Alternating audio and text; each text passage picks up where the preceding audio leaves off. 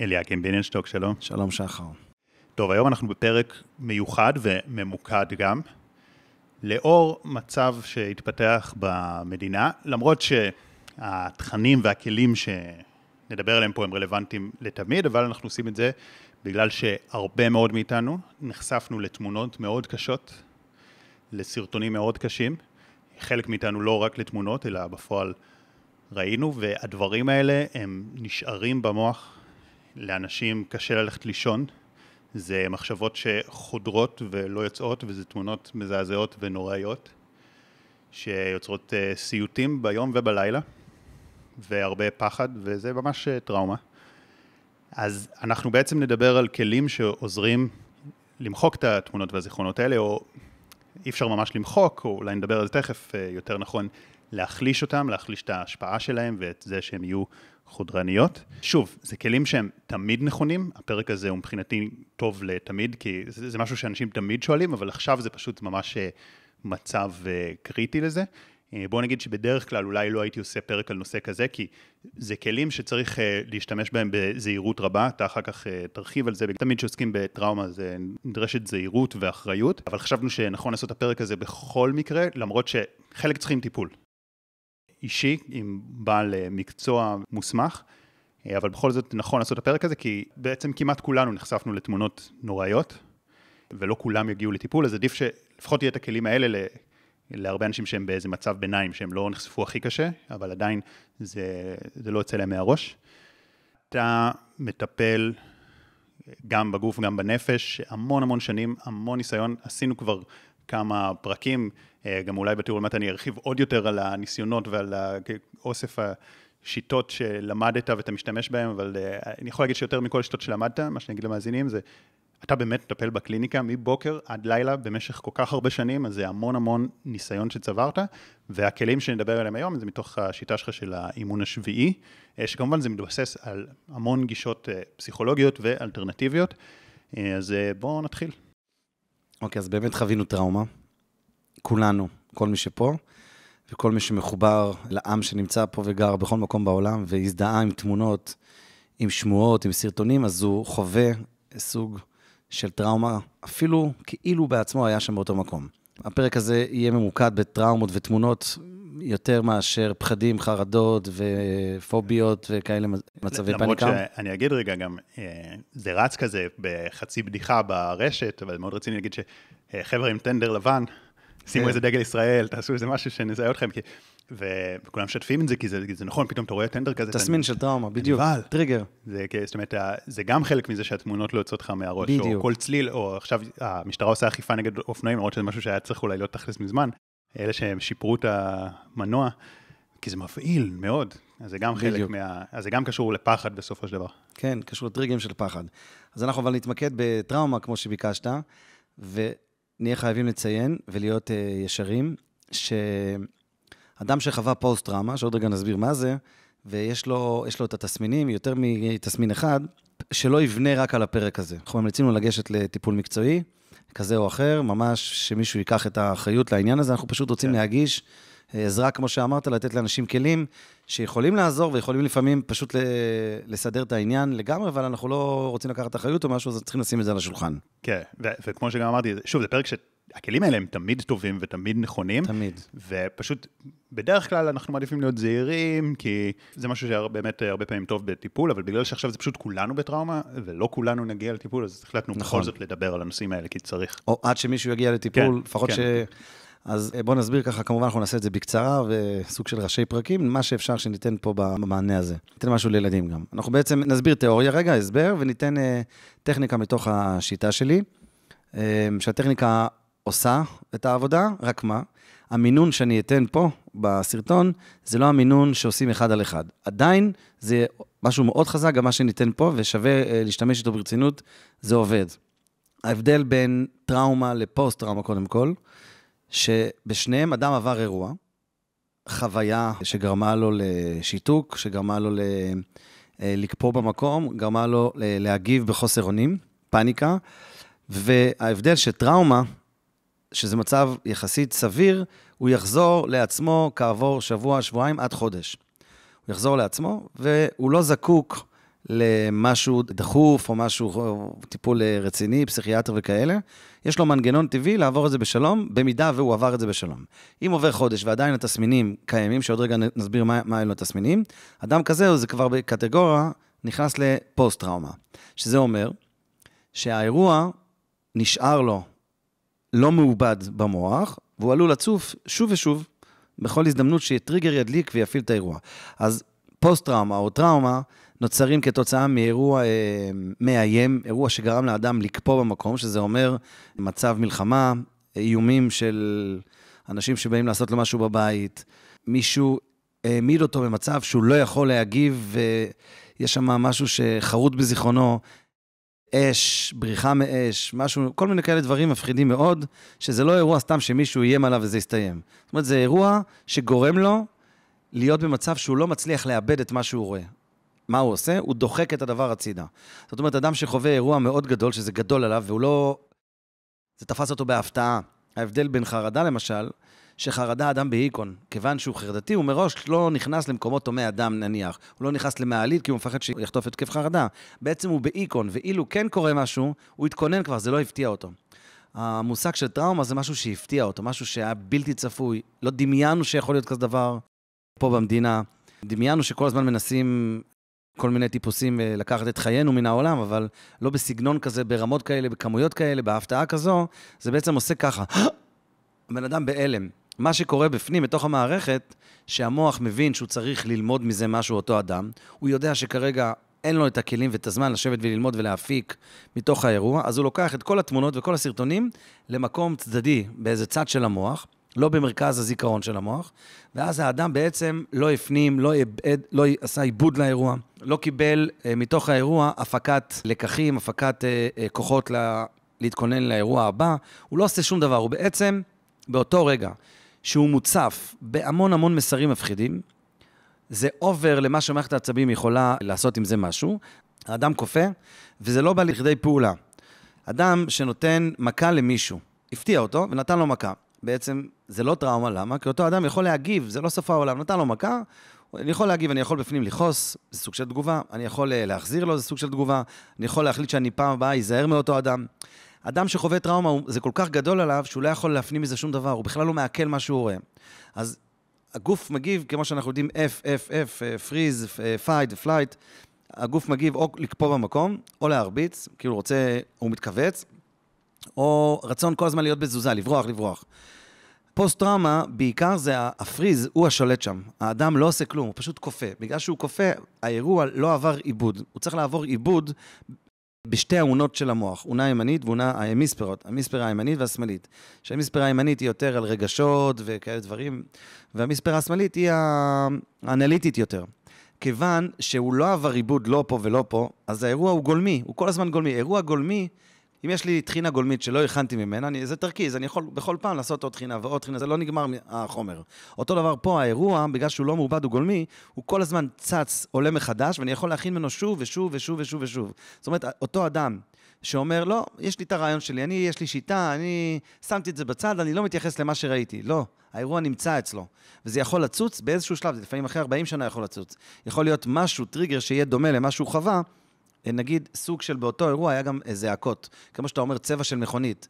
טויוטה עמוסה עם אנשים. יכול להיות שזה בכלל טויוטה לבנה עמוסה עם אנשים שעושים עכשיו מסיבה על הבחירות שהם זכו, או על הכדורגל שמישהו, קבוצה ניצחה, והם עושים שאגות. זה אותן השאגות שהיו אז, שהוא היה סגור בחדר, או שהוא ראה סרטון כזה. אז זה מדליק אצלו אפילו אחרי 40 שנה. כיוון שהוא לא טיפל בזה, הוא לא עשה עם זה כלום. זה קיים שם, זה קיים שם בשיא העוצמה, כל הזמן, זו הבעיה. שפוסט-טראומה בעצם הוא חווה את זה שוב בכל פעם שהמוח שלו יחליט שזה הזמן, אולי עכשיו תעשה עם זה משהו, אולי עכשיו תעשה, אז הוא כל פעם מציף אותו בסגנון אה, מאיים שוב ושוב, ולכן אדם שאומר, התגברתי על זה, לא התגברת, דחקת את זה. עשית הדחקה, והדחקה, המוח שלך עושה הדחקה בשביל שהוא ממתין לך שתלמד ותפיק משהו מהאירוע. הרעיון שאמרת, האם אפשר למחוק או לא למחוק, אז חוקרים מנסים להמציא שיטה של מחיקה הרמטית, אמיתית, כמו אלצהיימר, שאנשים שוכחים דברים. ואנחנו רואים שאנשים שוכחים כל מיני דברים. למשל, אני אומר לאדם שנסע ברכב וראה לוחית רישוי מולו ברמזור, אני אשאל אותו, מה המספר האחרון שראית? הלוחית הראשונה, ראית מאות, אלפים היום בדרך לעבודה. לא זוכר כלום, לא שמתי לב.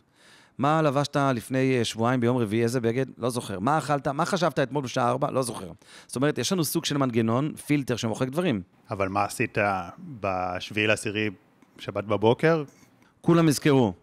כי זה אירוע שצמוד למשהו שאמור להפיק לקחים. זהירות, יש ישר uh, כל מיני אנשים uh, אמרו, בואו תראו איך סוגרים ממ"דים, הנה עצים, ישר עברו כאילו לפעולה, שזה חרוט כל כך חזק, ידית, אני אוחז בידית, הידית חזקה, יש מנעול, יש uh, איך ננעל, איך נסגור. אנחנו מכינים את עצמנו, מה, בתור בני אדם, מה אנחנו יכולים אה, להתכונן למלחמה הבאה, לאיש שיסתובב אצלנו בבית בפעם הבאה. אנשים התחילו לחשוב, אם הייתי מתחבא פה, רגע, בתוך מכלית, אנשים שהתחבאו במקררים של גלידות, ובן אדם הביט חזק ושמע סיפור שמישהי או מישהו התחבא במקרר של גלידה, ובכל זאת הגיעו לשם המחבלים האלו, אז יכול להיות שהוא ילך לקנות גלידה או משהו כזה, סליחה אם מישהו עכשיו בגלל זה לא יקנה גלידה, אה, תקנו, תקנו כמה שיותר. לא, דווקא זה לא נורא. לא כן, לא משנה.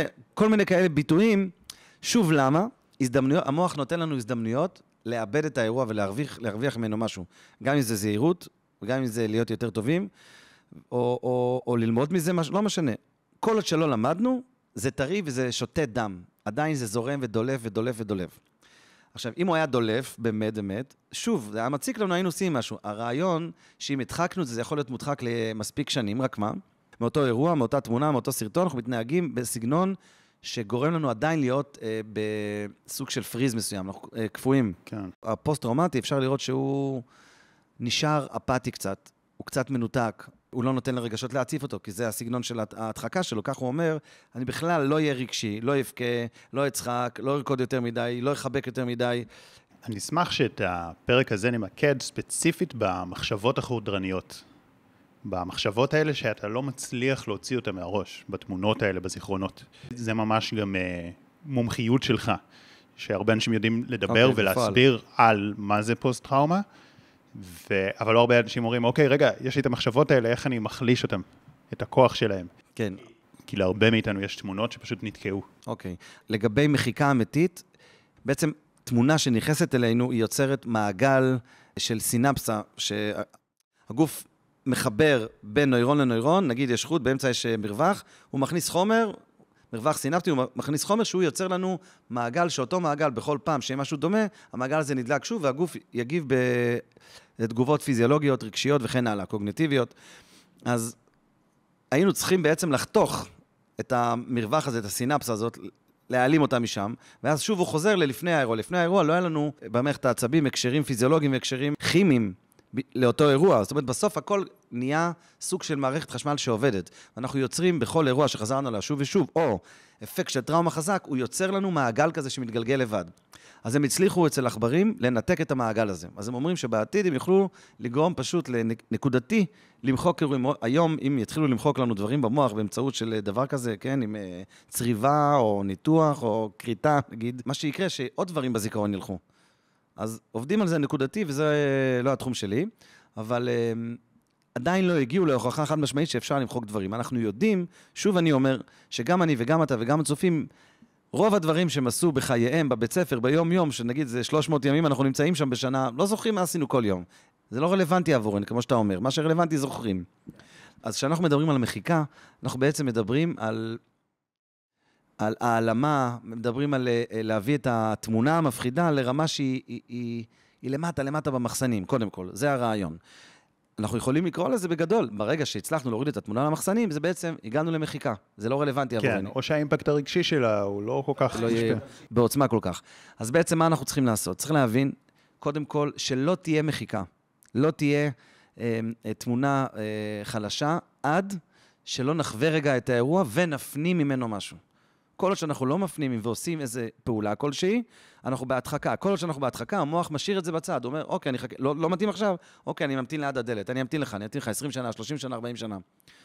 ולכן, ברעיון היינו צריכים כן לחוות את זה רגע שוב, כן לומר לאדם, בוא רגע תיזכר, מה קורה שם, מה ראית שם. הפחד הוא מלומר לאדם כזה דבר, שהוא חווה פרקון, הוא חווה בעצם, שוב, רעידה, הוא חווה התקף פאניקה, הוא יכול לחוות אה, עיבוד הכרה, התעלפות, הכל הרבה יותר מהתקפי חרדה רגילים.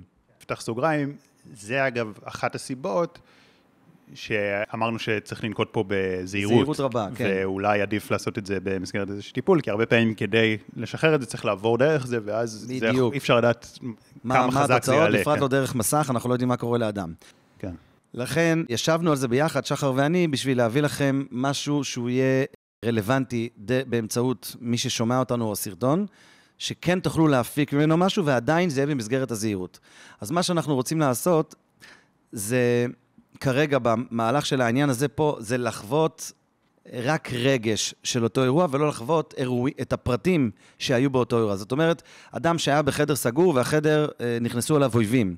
אני לא אבקש ממנו עכשיו בסרטון הזה, בוא תספר לי מה אתה רואה, מה אתה מרגיש שם עכשיו, למרות שזה מה שהייתי רוצה שהוא יעשה, בשביל לגרום לו להפיק תועלת רגע ממה שקרה שם. אז אנחנו לא עושים את זה פה, אבל עדיין אנחנו יכולים לתת משהו מאוד מאוד מאוד חזק, שאם הם יעשו את זה, כמו שאנחנו הולכים להסביר את זה עכשיו, זה פשוט יעבוד להם. מהמם. אז מה שאנחנו עושים בעצם זה לבקש מאותו אדם שחווה אירוע כזה, ולא רק אירוע טראומטי שבעיני הפסיכיאטרים הם יגדירו כאירוע טראומטי, אלא כל אדם שמרגיש שהוא עבר טראומה, הוא קורא לזה טראומה, שמבחינתו קרה לו משהו קשה לעיכול והוא רוצה לצאת ממנו. או בכללי, אדם שיש לו תמונה אה, מטרידה, תמונה שהוא מחשיב אותה ל... שמאותו רגע חייו השתנו. הוא קצת מנותק, הוא קצת עצבני יותר, הוא קצת אה, מרגיש חסר טעם, הוא רוצה לשחרר את הדבר הזה. זה פשוט שהיא מפחידה אותו, מפחידה אותו, זה, כן. כי, כי שוב, אני, אני חושב שמי שבאמת הוא בקצה של זה, אז, ושזה ממש ממש מציף, אני כן רוצה לשים פה שוב איזה אמצעי זהירות. ברור, ברור, ברור. אחר כך גם אני רוצה שנדבר על עוד איזשהו כלי, אם אני לא בטיפול, ואני לא, ועכשיו, אני נגיד בא ללכת לישון, ועכשיו התמונה מציפה אותי, ואני לא בהכרח רוצה לרפא את הטראומה, אבל איך להחליש אותה, אז בוא קודם כל נסביר את מה שהתחלת, ואז אני רוצה שנדבר גם על הכלי הזה של ממש עזרה ראשונה מיידית, כאילו עכשיו התמונה תוקפת אותי, איך אני מחליש אותה. אוקיי. אז בואו נדבר רגע על הכלי המרכזי, כן. בגדר מה אנחנו כן כן יכולים לתת, ומי שיבצע אותו יוקל לו מאוד מאוד מאוד, בהרבה תחומים. בעצם, כמו שאמרת, כל אדם שקשה לו להירדם בגלל כל סיבה שהיא, או קשה לו באמ- באמצע היום להיות מרוכז בדברים שהוא רוצה לעשות, כיוון שיש לו איזושהי הטרדה כלשהי, שמבחינתו זה, זה משהו שהוא היה ממש רוצה להיפטר ממנו. זה, זה טוב גם לזה וגם לזה וגם לזה. אנחנו נעשה תחכום למוח, שהוא כן יבין שאנחנו מפיקים משהו, ומזמינים רגע את המוח לה- להביא את זה קדימה, למודע יותר, בשביל שהוא יבין מה הוא עושה, לתת הפנמה, עיבוד מחדש, ואז להדחיק את השלילי של אותה תמונה מפחידה, בלי לדבר על התמונה.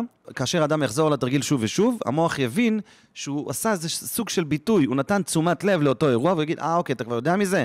אוקיי, ואז הוא שם את זה במקום טוב במוח, במקום של הכל בסדר, וזה יעבוד לכם.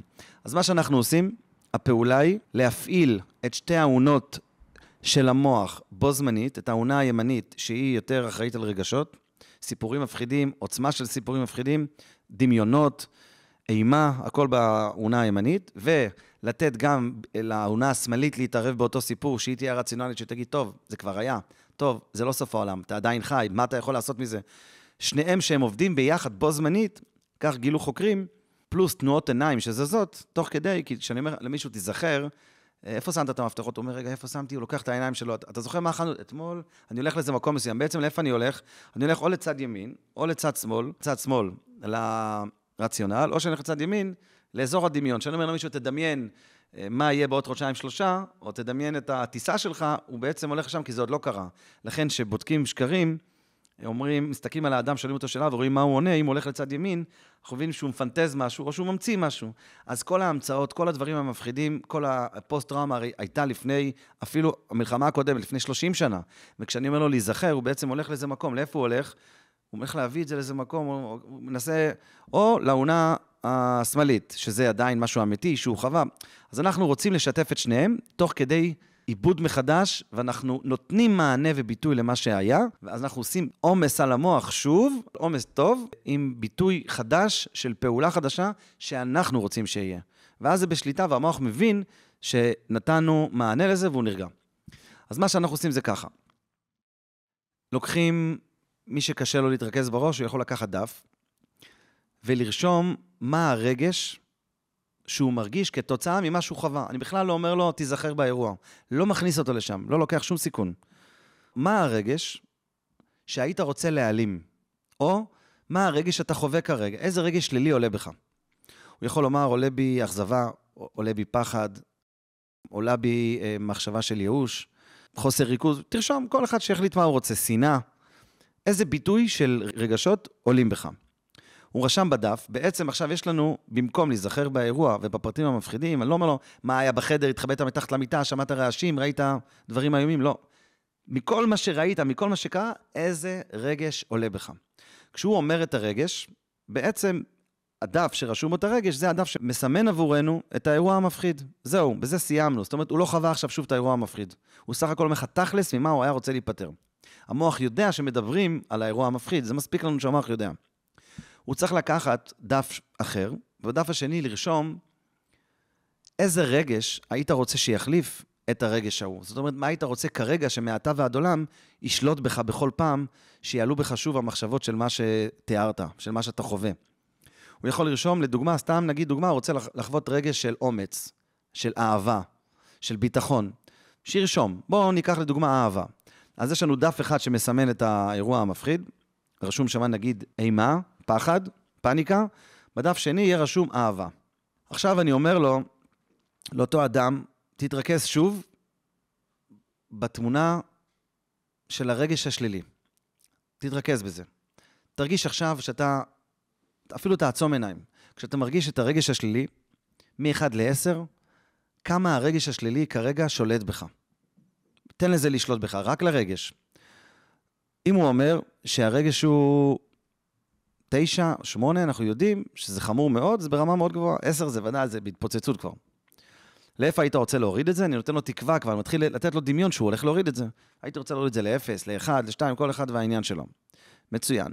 עכשיו, אם אני כמטפל עושה לו כבן בית, זה עניין אחד, או הוא לעצמו, אני אתן אפילו שהוא לעצמו עושה את זה. הוא יכול לקחת בריסטול גדול, כזה נייר גדול ממש, בגודל של השולחן הזה, לפחות מטר, בשביל שהאות תהיה מאוד גדולה.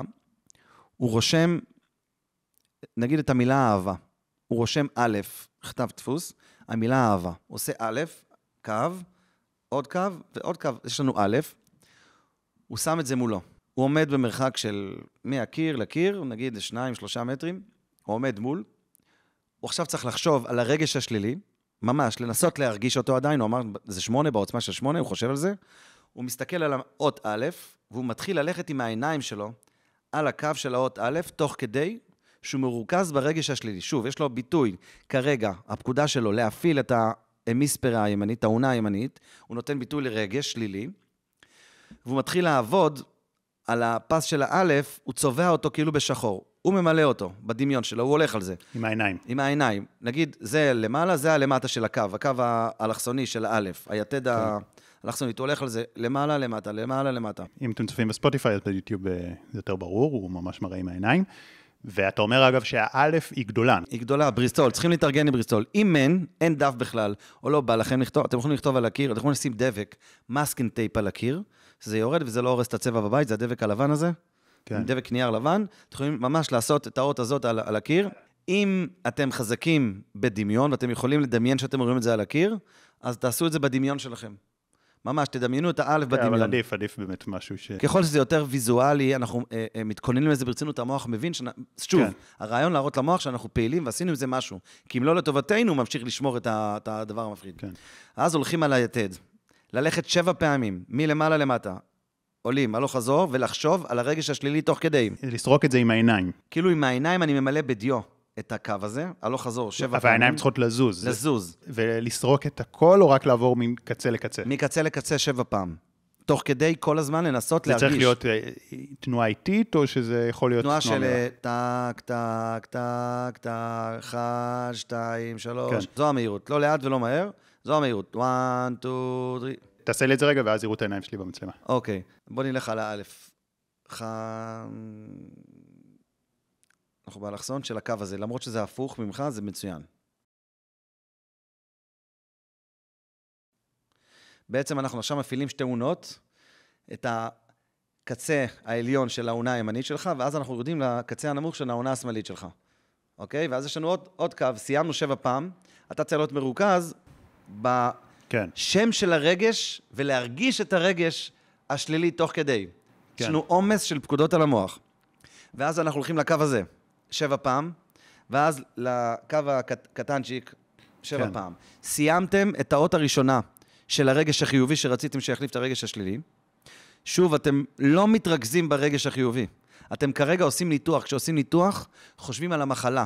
לא חושבים על ה... מה הדבר שיחליף. פשוט אתם מבצעים את הדבר שיחליף בפועל, אבל חושבים בכוח על הבעיה. סיימתם עם האות א', אתם בדמיון שלכם מעלים אותה למעלה רגע, לשורה מעל. מביאים את האות הבאה של המילה אהבה, מביאים A. עכשיו את ה-A, את הקו העליון שבע פעם, ואז את הקו ההוא שבע פעם, ואז את הקו הקטן כן. שבע פעם, ממשיכים לחשוב על זה. שבע פעם, מעלים את ה-A ליד ה-א' למעלה, מביאים את האות הבאה, ואז ב' ו-A וכן הלאה. סיימנו את כל האותיות של אהבה, אנחנו מורידים עכשיו משפט שלם מול העיניים, גדול, על כל החדר, עוברים עכשיו שבע פעם על כל המילה. מהסוף להתחלה. תוך כדי שמתרכזים. תוך כדי שמתרכזים, זה כל העניין. עכשיו, מה שיקרה, פתאום, אתם תרגישו שעמום ברגש השלילי, הוא יהיה לא רלוונטי, ותגידו, למה הוא אמר שבע פעם? תמשיכו עם זה. עד שממש המוח יבין שאתם רציניים. הרווחתם פה כמה דברים, בלי להסביר מה קורה בכימיקלים והכול. קודם כל, מילאתם רגש חיובי במקום רגש שלילי. כי ודאי שאדם חווה פוסט-טראומה, אם אנחנו מדברים על היעדר אהבה, כי יש לו פחד, באותו רגע הוא לא אוהב. אדם שמאוהב, הוא לא חווה שום רגש שלילי. אדם ששמח לא יכול באותו רגע אה, להיות עצוב, הוא לא יכול באותו רגע לק... לקנא במישהו, הוא לא יכול לפחוד. תנסו להיות שמחים אמיתיים, תנסו לפחוד, זה לא עובד ביחד. כי רגש אחד, הוא תופס את התשומת לב של הגוף שלנו. כשסיימנו את השבע פעם, שוב תשאלו את עצמכם, תנסו עכשיו להרגיש את הרגש השלילי. קחו את הדף שמבטא את כל מה שעברתם, אבל באמצעות רגש, אם רשום שם פחד, תסתכלו על הפחד, תגידו כמה עכשיו זה מפחיד אתכם, כמה עכשיו זה חזק בכם. תנסו להרגיש את זה, תהיו אמיצים. וואו, אני חושב כבר ארבע. אם ארבע, תעשו עוד פעם. אם זה ירד לשתיים, אתם יכולים להפסיק. אתם יכולים לעשות את זה פעמיים ביום, אתם יכולים לעשות את זה כל יום. אם תעבדו רציני, אתם תראו שהמוח שלכם מבין שאתם רציניים. יש אנשים שאומרים, למה להציף את הרגש השלילי?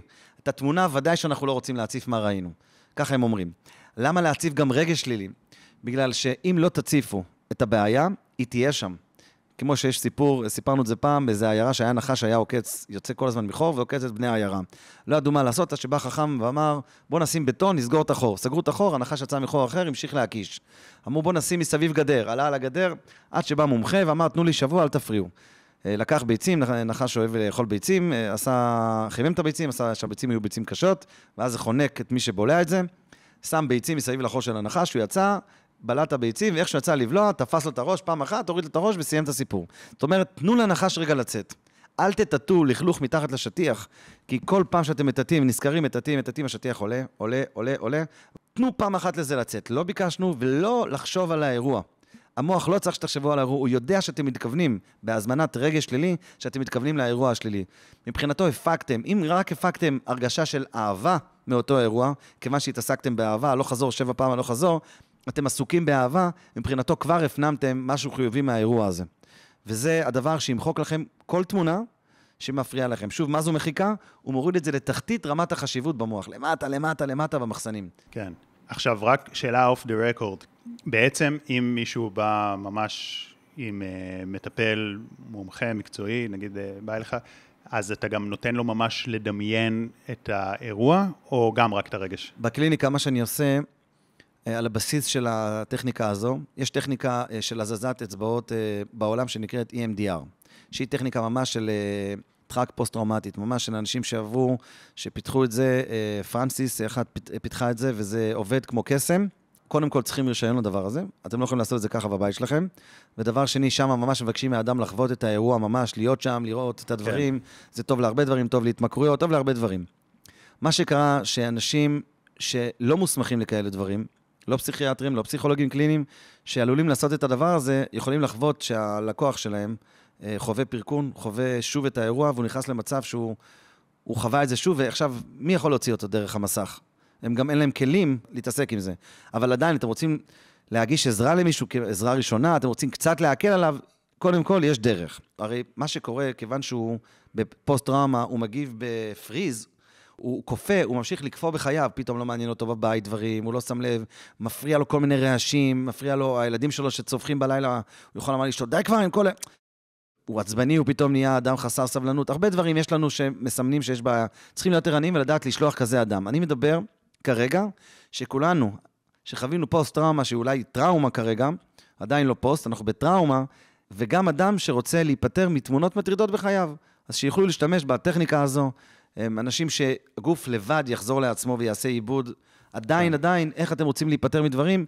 קיבלתם משהו. מה אני עושה בקליניקה? אני עושה דברים אה, יותר מורכבים, יותר עמוקים, כן. בשביל שבן אדם באמת אה, חוויות שהיו פעם, שיוכל אה, לסדר איתם. אם כבר מגיעים לאירוע וחושבים עליו, יש עניין לעשות סליחה, יש עניין לשלוח אהבה, יש עניין להפיק ממנו. יש לנו כמה דרכים שאנחנו מפיקים מאירועים כאלו את מה שצריך להפיק, ובשביל להגיד למוח, בוא, אני מתקדם מזה, מה אני יכול לעשות? אז יש שם הרבה סליחה, הרבה, הרבה כאלה דברים, שלא זה מה שכרגע כיוונתי.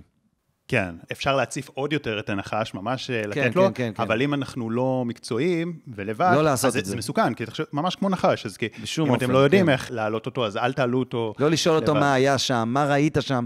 כי הנחש הוא באמת הוא נחש, חתיכת הוא נחש. מסוכן. כן. זאת אומרת, אל תשאירו אותו. צריך להעלות אותו אם אנחנו יודעים מה לעשות איתו. או מה קורה אם הוא פתאום, אה, התוכניות משתנות והוא פתאום בורח. בדיוק. והוא יכול לברוח. זאת כן. אומרת, הוא נמצא באזור של מוח, לא נתת לו מענה, הוא יציג כן. לכם באזור אחר. אבל בעצם הטכניקה עם האהבה, שלא מציפים את הזיכרון עצמו, אלא רק את הרגש, זאת אומרת, היא היא יחסית בטוחה. כן, זאת אומרת, אומרת, יחסית כמובן, כן. היא, זה היא בטוחה, יחסית כל בטוחה. דבר הכל יחסי, אבל זה בגדר של מה אתה מרגיש? בוא, כן. תרגיש יותר טוב. כי הוא גם ככה הבן אדם מרגיש את זה. כן, מה אתה מרגיש? לא שאלתי אותו מה חווית, לא לשאול שום שאלה שלוקחת את המוח לאותו אירוע. תגיד לי כמה אנשים היו שם, הוא צריך רגע, הוא עושה ככה, הוא צריך לספור כמה היו, הוא באותו אירוע, הוא סופר. איזה ריח אירחת שם, אם אני משתמש בחושים בשביל להחזיר אותו. שמי שמטפל ב-EMDR למשל, אז הוא, הוא עושה את זה, הוא כן שואל את הוא השאלות עושה האלה. את זה, כן, הוא צריך לשאול את השאלות האלו. אבל, היית בחוץ, היית בפנים, או מה שיורד לפרטי פרטים, שגורמים למוח להיות שם. אבל את זה לא לבד. כן, לא, לא, לא, אני שואל לא. לך את השאלות האלה כדי טוב להסביר מאוד. לאנשים. לא להיכנס לשום שאלה שגורמת לאדם לערער באירוע. אין עניין. כן, לא לבד לפחות. לא לבד, לא אם אתה אנשי מקצוע, הם מוסמכים לעניין הזה. כן. אני רוצה לומר כן. שמה שנתתי, זה כחלק מהאימון השביעי, זה מספיק חזק בשביל לגרום לאדם לשחרר את הדבר הזה. ולו אפילו עד שהוא יגיע לעזרה מקצועית, שהוא יוכל רגע, אה, שלא יהיה באימה, כי הפרצוף, הוא עדיין חווה את זה, יש פלשבקים, הולכים וחוזרים וחוזרים וחוזרים, באמצע הלילה הוא מסתובב, כולם ישנים, הוא לא ישן. זה יגרום לאותו אדם, עד שיגיע התור שלו אצל המטפל, עד שהמטפל יצליח להשפיע עליו, כי זה לוקח גם זמן וכל מיני שיטות טיפול. הדבר הזה מאוד מאוד מאוד מהיר. אני רוצה לציין סתם, שחר, שכבר ידעו שהדבר הזה, אני מלמד אותו בקורס של מספיק ימים. זאת אומרת, נתנו את זה ככה בשלוף פה, מה שנקרא. תתייחסו לזה ברצינות, כי הדבר הזה ממש ממש ממש חזק. טוב, יש עוד טכניקה שנדבר עליה, אבל אתה גם מתעסק אה, הרבה בכתבי רבי נחמן, אה, זה חלק מהשושלת המשפחתית שלך. יש איזה משהו קטן ממנו? יש ממנו כמה דברים של להשכיח דברים, אדם שרוצה לשכוח משהו, ורבי נחמן מביא את זה עם אדם שרוצה לזכור מה הוא יעשה כנגד בשביל לא לשכוח, אז ההפוך גם עובד. אחד, אדם שרוצה לשכוח, יש שם של מלאך שנקרא שר השכחה, שהוא אחראי על לשכוח דברים, קוראים לו מם סמך, זה השם שלו. אדם שיאמר מם סמך, או יאמר ביחד את המילה, יצרף אותה, במחשבה לשכוח משהו, זאת אומרת, הוא חושב על אלמנט שהוא רוצה לשכוח, כמו פה, הוא יחשוב על הרגש השלילי, נניח, בדף השל... עם הרגש השלילי שעלה בו כתוצאה מהאירוע, אמרנו פחד לדוגמה, או אימה, לא משנה, ייאוש, פחד, הוא רוצה לשכוח את זה, אז הוא חושב על זה רגע, על הרגש הזה, והוא אומר את המילה מ' ס' ברצף, כאילו ביחד זה יצא לו, את המילה, המשפט זה יצא לו מס. הוא צריך לומר את זה, מס, והוא חושב על הרגש, מס, הוא מחליש אותו. כל פעם שהוא אומר את זה, שר השכחה גורם לו לשכוח דברים, כמו שאנחנו שוכחים המון דברים בחיינו, איפה ההבטחות של הרכב ואיפה פה, זה אחד בשם רבי נחמן. הדבר השני, רבי נחמן אומר שהאדם קורא דבר מהסוף להתחלה, זה מסוגל לשכוח דברים. זאת אומרת, לא לקרוא דברים הפוך, לא ללבוש בגדים הפוך, לובשים גופייה, להסתכל שהפתק הוא בפנים ולא בחוץ, כי זה אה, כתוב מסוגל לשכחה. אז אם אדם רוצה כן לשכוח דברים, שייתן עיבוד למוח מהסוף להתחלה. זאת אומרת, הוא יכול, סדר העניינים, בשמונה הייתי פה, בשמונה ורבע קרה האירוע, בשמונה וחצי הייתי כבר בחוץ, הוא עושה את זה הפוך, הוא הולך בשמונה וחצי, טה-טה-טה, וזה, כן. הוא הופך את הסדר. מה- מהסוף להתחלה הייתי בטוח שתכננת להגיד לי על NLP, כאילו שאמרת לי את זה רגע לפני שצ- שצילמנו, כי יש באמת אה, טכניקות כאלה. מגניב שהוא גם אמר את זה. הוא אמר את זה, הוא היה לפני כן, הוא היה ה-NLP, לפני. וה-NLP, הם, הם בעצם לפני. לקחו מכולם, וממנו... זה רק מראה שיש פה איזה משהו שעובד, כן. כן, כל אדם שיקרא מהסוף להתחלה בעצם נותן למוח, תוך כדי לאבד את זה שונה. אז הוא שוכח את האירוע ההוא וכאילו גורם לייצור מחדש. כמו בגד הפוך. אז מהסוף להתחלה, פשוט לעשות עיבוד. יש טכניקה ב-NLP של פוביה, כן. אה, זה מה שהתכוונת, להראות את נכון. הסרט מהסוף להתחלה. כן, אז אה, אותו דבר, לא רוצה להיכנס לפה, כי זה אפשר פודקאסט זה עוד אה, פרק בפני עצמו. אבל פשוט, תאבדו את האירוע הזה מהסוף להתחלה. עכשיו, יש לי עוד שאלה אחת, אני כן רוצה לשמור על הפרק הזה מאוד ממוקד, ונעשה על כל הנושא של חרדות ועל הנושא של דאגות נפרד. אני כן, כן רוצה לשמור את הפרקים ממוקדים, כמה שאפשר, אבל אני כן אשאל עוד שאלה אחת. בעצם, מה קורה אם עכשיו בן אדם נגיד בא ללכת לישון, ועכשיו עולה לו תמונה, הוא לא...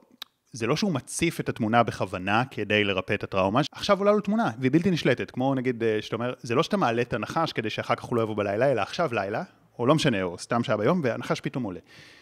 אז האם יש איזה משהו לעזרה ראשונה, לא כטיפול, לא משהו שאתה במיוחד עושה לטפל, אבל עכשיו זה תקף אותך. אה, נגיד, אני יודע שיש את כל הנושא למשל של sub modalities, קצת אה, לשחק עם המרכיבים והמאפיינים של התמונה, להקטין, נכון. להחליש. האם יש משהו שאפשר לעשות פה? שוב, לא, שלא בן אדם עושה באופן יזום, כי באופן יזום אז כבר שילך לטיפול. לעזרה ראשונה, זה עכשיו, תוקפת אותי תמונה עכשיו, ואתה יודע, כשמנסים להתנגד לתמונות כאלה ולזיכרונות, הם מתחזקים. וה submodalities הוא בעצם, הוא לא מתנגד להם, הוא לא מנסה להילחם בהם, אלא זה המבנה של התמונה, כן? לכל תמונה יש לה... התמונה, כן. יש את התמונה עצמה, שנגיד זו תמונה עם הזוועה, או, או תמונה חיובית, נגיד אני יכול לדמיין גם אה, חופשה. אם אני מנסה להחליף את התמונה הנוראית בתמונה חיובית, אז לא בטוח שזה יצליח לי. אבל גם לתמונה יש מרכיבים, יש לה גודל, אה, תנועה, אם זה סרט, אז זה גם התנועה של הסרט, אה, לתמונה יש צבעים, יש לה מיקום. אני לפעמים יכול לשחק בזה, ואז כי המוח פחות מתנגד, כי אני לא מנסה להחליף את התמונה, אלא אני רק משחק במרכיבים שלה. ותזכיר לי שניתן משהו גם לילדים עוד רגע, כן. וניתן משהו למה שאמרת עכשיו. למה שאמרת עכשיו ניתן שני דברים. לפני הסם מודליטי ניתן משהו של עזרה ראשונה. לפתוח ברז מים, שזה בעצם עכשיו יש לנו מעבר ישיר מפה עד הים הגדול. האדם הולך להפקיר את התמונה הזו, הוא שולח אותה בחזרה, כי הוא לא יכול לעשות איתה כלום, היא גדולה עליו, הוא לא יכול לקחת אחריות, מה הוא יכול לעשות? יכול לחזור אחורה לאויבים ולנסות, הוא אדם בודד, הוא יחיד, הוא מרגיש, הוא לא צבא שלם. בכל זאת זה תוקף אותו ומתקיף אותו, אז הוא מחזיר את הדבר הגדול עליו בחזרה לאיפה שזה הגיע, חלל העולם.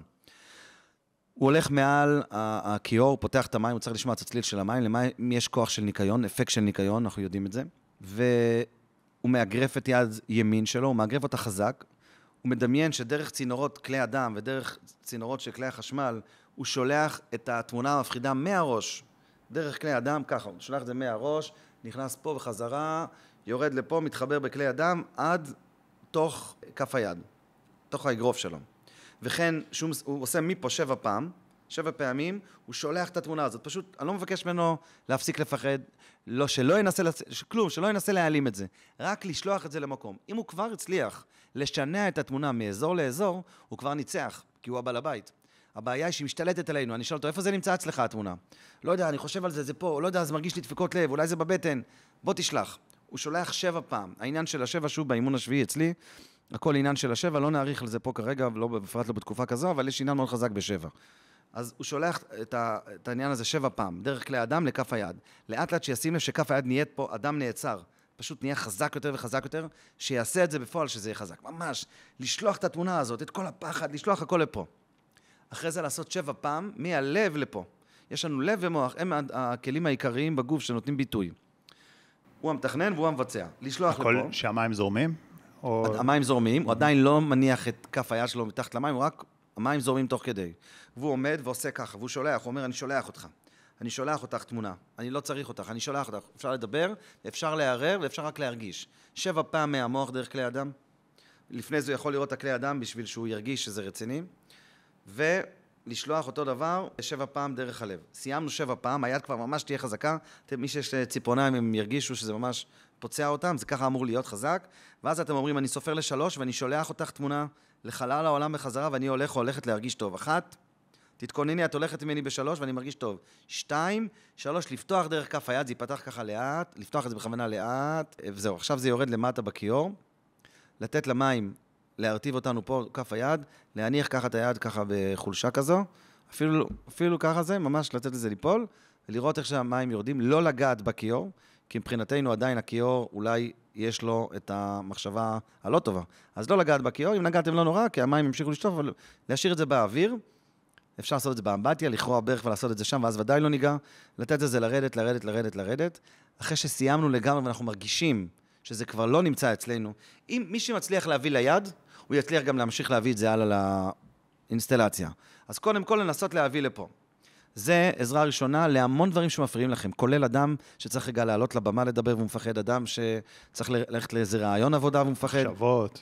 כן, כן, כל דבר תעשו את זה, זה עזרה ראשונה, זה עובד מאוד חזק, ממש חזק, גם ביהדות יש לזה כוח, זה נקרא הפקר. אנחנו מפקירים משהו, זה כבר לא שלנו. גם בכללי, אם אני אומר, שלום, שחר, מה היום תיקח, אני לא צריך את הכוס, זה כבר שלך. ובאותו רגע שאמרתי, זה שלך, האנרגיה שלך כבר בכוס, אם אני אגיד לך, תן לי רגע עוד משהו, אתה תרגיש כאילו לקחתי ממך משהו, למרות שלפני שנייה זה היה כן. אצלי. אז יש לזה כוח עצום למילים ולמחשבות ולכוונה הפנימית שלנו. אז זה עזרה ראשונה אחת. עכשיו הדבר השני שאנחנו, שביקשת לעשות, זה הסאב-מודליטי, זה בעצם, כיוון שכל פחד שיש לנו, כל הפרעה שיש לנו, זה בעצם בא לידי ביטוי בתמונה או בסרט או בסמל במוח שלנו. המוח לא יכול לחשוב אלא באמצעות תמונות. אז אנחנו אמורים לשחק עם התמונה במוח שלנו, עם כל מרכיבי התמונה.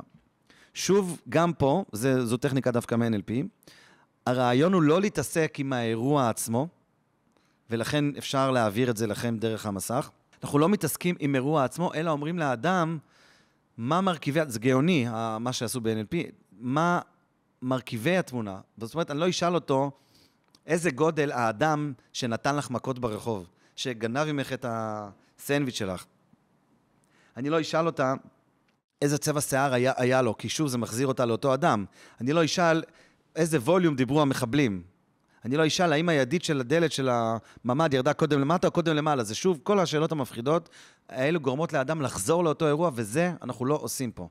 יש submodalities קצר ויש submodalities מורכב. מה אתה רוצה שאני אתן פה? בוא נעשה את הקצר. קצר, נגיד אני אומר לך בשביל שיבינו, תחשוב על הרגש שמפריע לך, או תחשוב על התמונה שמפריעה לך, התמונה שרצה לך בראש, תחשוב עליה. ואז אני שואל לפחות כמה שאלות שאני אשאל עכשיו, אפשר לשאול עוד, זה מספיק. אני שואל על מרכיבי התמונה.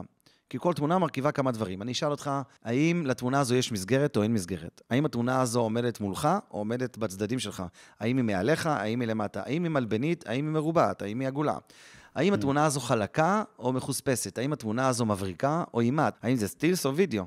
האם לתמונה הזו יש ריח מסוים? אילו היה לה מוזיקה, מוזיקה רועשת או מוזיקה עצובה, או מוזיקה בווליום נמוך או בווליום גבוה. וכן, אפשר עוד ועוד ועוד. בעצם האדם כרגע לא יתעסק עם מרכיבי הפרטים שהיו באירוע, בחדר המפחיד או במגרש המפחיד, הוא מתעסק עם המרכיבים החיצוניים, המרכיבים הפרקטיים שמכילים את התמונה. האם הנייר הזה הוא לבן או צהוב? האם האותיות קטנות או גדולות? אוקיי, הבנתי. ואז אני גורם לו, קודם כל, להיות בחזרה בעל שליטה. להיות, כי אם הוא הצליח לתת מרכיבים, אפשר לשנות את המרכיבים. וברגע שאני אגיד לו לחשוב שוב על אותו אירוע ואני משנה את המרכיבים, הוא מחליש ומשנה את האירוע, זה כבר עבר עיבוד וזה כבר לא רלוונטי כפחד. אחרי שהאדם ענה את כל התשובות, אני רשמתי את כל התשובות שהוא ענה לי, התמונה עגולה, התמונה מרובעת, התמונה וכן הלאה. עכשיו יש לי את מרכיבי התמונה. אני הולך עכשיו לבקש ממנו לחשוב על אותה תמונה שוב, אבל כל מה שהוא אומר אני משנה.